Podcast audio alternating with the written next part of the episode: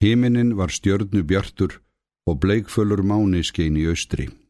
Draugaleg og hamram vetrarnóttin grúði yfir skuggalegri klettavíkinni þar sem freyðandi haföldurnar brotnuðu. Gegnum brimgníin heyrðust dimmir dingir eins og fallbissu skot þegar brotsjóurnir skullun í skúta og gjár með þungum sógum eins og jötun tækja andvörpun nýri djúpinu. Frost var mikið um nóttina og Haldóri veittist örðugt að halda aðframkomnum félögum sínum á ferli. Brandur í leiru lagðist fyrir tvirsarsinnum og neytaði að fara á kreik aftur. Upp með þig, æfti Haldór. Brandur satt graf kyrr og let sem hann heyrði ekki til hans, en Haldór gekk til hans og þreif í hann. Láttu mig vera, tautaði Brandur. Þú veist sjálfur að þetta er vonlaust og til hvers er þá að vera að þessu? En formaðurinn rak honum sinn undir korn og dró ekki af. Þú narðvist háttum í helvíti, þó að þú hjarir á meðan þú getur, rópaði hann og þrjumurödd hans bar eitt andartak allt annað ofurliði. Brandur spratt á fætur, en svo var af honum dreyið að það reyndi ekki að gjalda líku líkt. Haldur var það að gera Bjarni í lóni svipuð skil, en Bjarni, sem alltaf var söðslegur og svip, reyndist ennþá þrjóskari og óþjálli en Brandur, hann gaf formanninum óhýrt auga og muldraði í barm sér eitthvað sem ekki varð skilið. Svo gekk allt sæmilegum stund og dökkir skuggarnir þókuðust fram og aftur um hellin.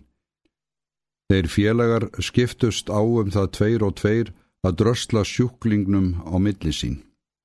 En allt í einu fekk hann kast aftur og reyf sér lausan. Haldur greip í mannin um leið og hann kastaði sér fram af berginu en misti taksins. Hann sá svarta flyksuna lenda á stallinu fyrir neðan og skerandi óp hvað við.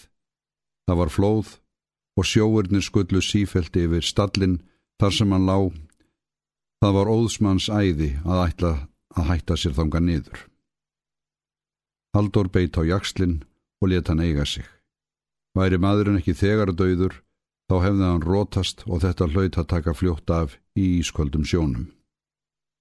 Ef hann hefði haft brókina, myndi hann kannski að var reynda að ná honum, en að verða blöytur upp í mitti, nei.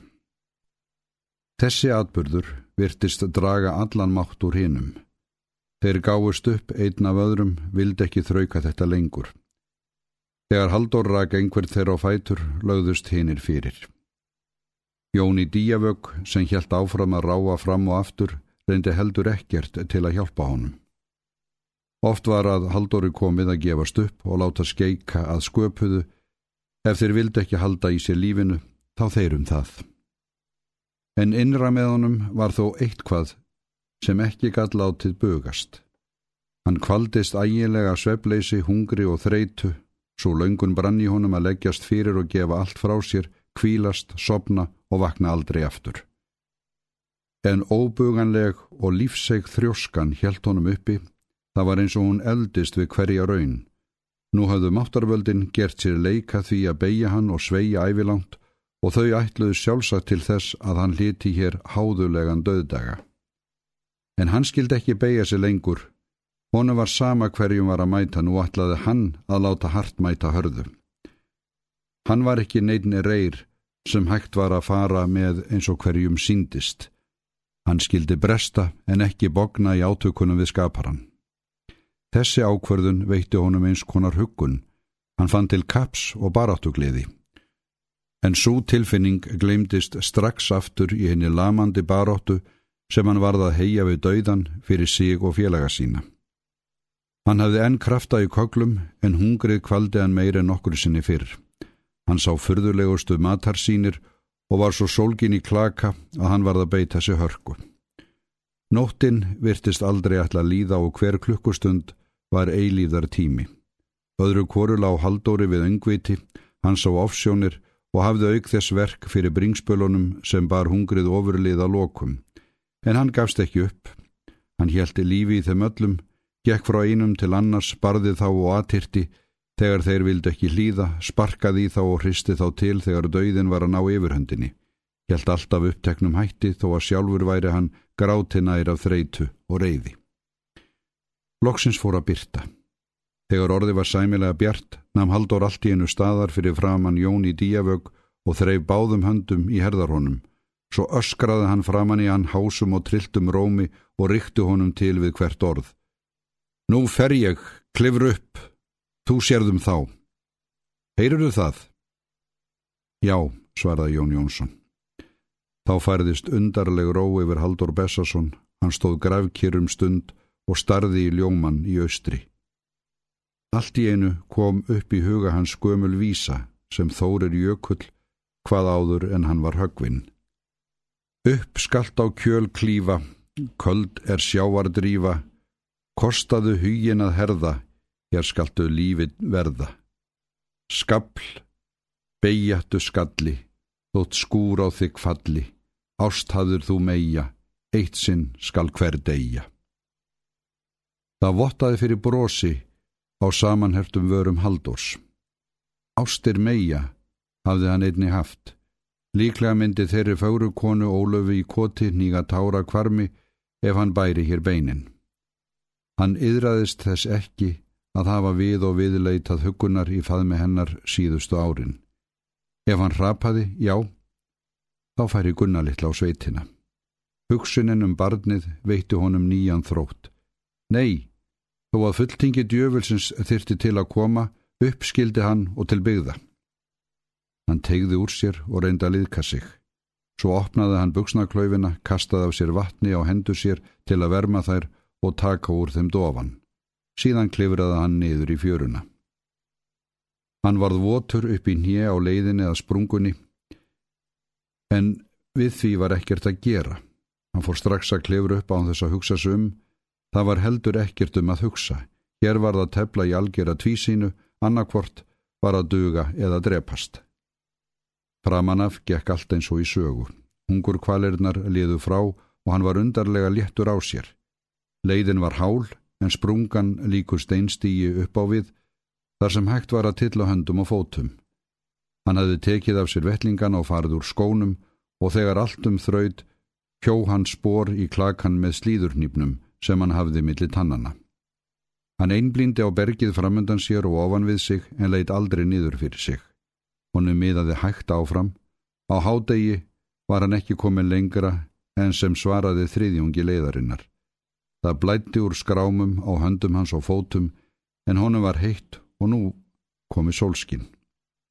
Sjálfsagt voru þeir allir steinsopnaður í hellinum hugsaðan með sér og allt í einu vaknaði hjá honum gremja til Jónsi Díavögg hvers vegna í ósköpunum hafði maðurinn ekki hjálpað honum.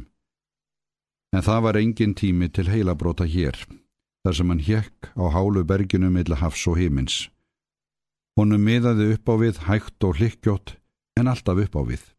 Um nónbil var hann komið rúmlega 20 faðma upp bergið, nú var tæpur þriðjungur leiðarinnar eftir og eik þess ekki eins snar bratt.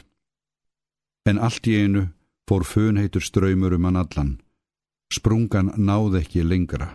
Sprungan sem hafði gert honum auðið að komast þetta, kvarf hér og það sem eftir var leiðarinnar voru brattir, aðlíðandi klettapaldrar með svellbólsturum hér og þar. Spölurinn sem hann átti ófarin erði margfalt hættulegri og torsóttari en það sem af var. Hann gaf sér engan tíma til að hugsa sig um en hann fann til svimakendrar þreitu sem fór heitum bylgjum um hann gerði sér ekki í fyrstu grein fyrir því að þetta var hræðsla, en það var einmitt hún, skelvingin, þessi ómótstæðilega og trillingslega vitfering sem þá og þegar getur gripið hverja lifandi veru, bæða gefnu tilefni og ástæðulöysu. Hún hafði nú náð tökum á honum. Stormurinn gnauðaði umhverfisann, hristi hann og skók eins og hann vildi rífa hann lausan. Lág geng sólinn, skein við hafsbrún og víðátt að sjáarins faldaði kvítu svo langt sem augað eigði. Hann heyrði brimgníin neðan úr djúpinu, þrumuraust hafs og veðurs. Honu fannst hann vera að sökva í heita þóku sem steiftist yfir hann í bylgjum. Hann var farin að klóra sig upp svellbunkana áður en hann vissi af. Hann varð að högva hvert spór í klakan með slíðurnýpnum og samt virtist vonlöst að verjast rapi. Hann reyf neglurnar og tám á fingurum upp í kviku og það sátu blóðdrefjar í hverju spori. En áfram þokaðist hann og innan skams vann hann buga óttanum og varð rólegur aftur. Sundurlausum óvæntum hugsunum skaut upp í huga hans þegar hann fikraði sig þarna áfram, kapsfullur og þrautsegur. Dagurinn var fljótur að líða og hann varð að hafa hraðan á. Það var meira en tvísind að hann kæmust upp, hann var orðin aðfram kominn af þreitu. Tvirsvarsinnum fekk hann svima og sá sem snöggvast allt í móðu. Skelvingin sem greip hann hafði dreyið úr kröftum hans en hún hafði jáframt stælt viljan. Upp var þann að komast hvort sem það var vilji Guðs eða ekki. Nú var það treyst á þann sem átti sín mest hversó sem hann var, uppskildi hann komast. Og hann streytist við á öllu mætti, byggæði sig áfram, rann aftur tilbaka, misti fótfestunar og hjekk á svellinu á blóðugum fingurgómanum. En upp á við þokaðist hann, alltaf stittist upp á bergbrúnina. Hann grét, baðst fyrir og bölvaði til skiptis, hann öskraði af heift og ránkvóldi blóðhlaupnum augunum, hann gnisti tönnum hvað eftir annað. Hann var ekki maður lengur, heldur loðið rándir sem viti sínu fjær glefsar að óvinni sínum í andaslitrunum. Sólinn gekk undir og dagurinn kvarf í heimur ökkursins. Þá var Haldur komin að efstu brúninni, rík hjælt sér í nýfin og einblíndi á hann og vissi varla sittur júkandi ráð. Hann vissi aldrei hvernig hann komst síðasta spölin upp á brúnina, en eftir örstuttastund ránkaði hann við sér þar sem hann lá alblóðugur, berhauðaður, berfættur og berhendur á fönninni upp á bergbrúninni. Hann var komin upp. Helst hefði hann kostið að leggjast fyrir, sopna og kvílast til eilíðar, en þrjósku kendi tilfinning þess að vera órétti beittur, alltók hann Þetta náði engri átt, náði engri átt. Það var ekki hægt að gjalda lífið slíku verði. Þessu næst rann á hann eins konar mók og honum mun hafa runnið í brjóst því að allt í einu sá hann hana anspæni sér brosandi andlit ungra stúlku sem var honum kær úr gömlum glöðum draumi. Hann glað vaknaði í sömu andrá og reys upp með erfiðismönum. Jæja, hann var þó komin upp. Þá var að brjótast til byggða hvernig sem það myndi nú ganga. Hann myndist draumsins á ný og viðkvæm þrá kom aftur upp í huga hans. En hafði hann ekki hlotið sinn skerf af ljúfri gleði og sætli gæfu lífsins sem hann þráði og dreymdi. En þessi hugsun vek fyrir gýrugri og ofsafenginni ílöngun í mat sem allir því að hann fekk vatn í munnin.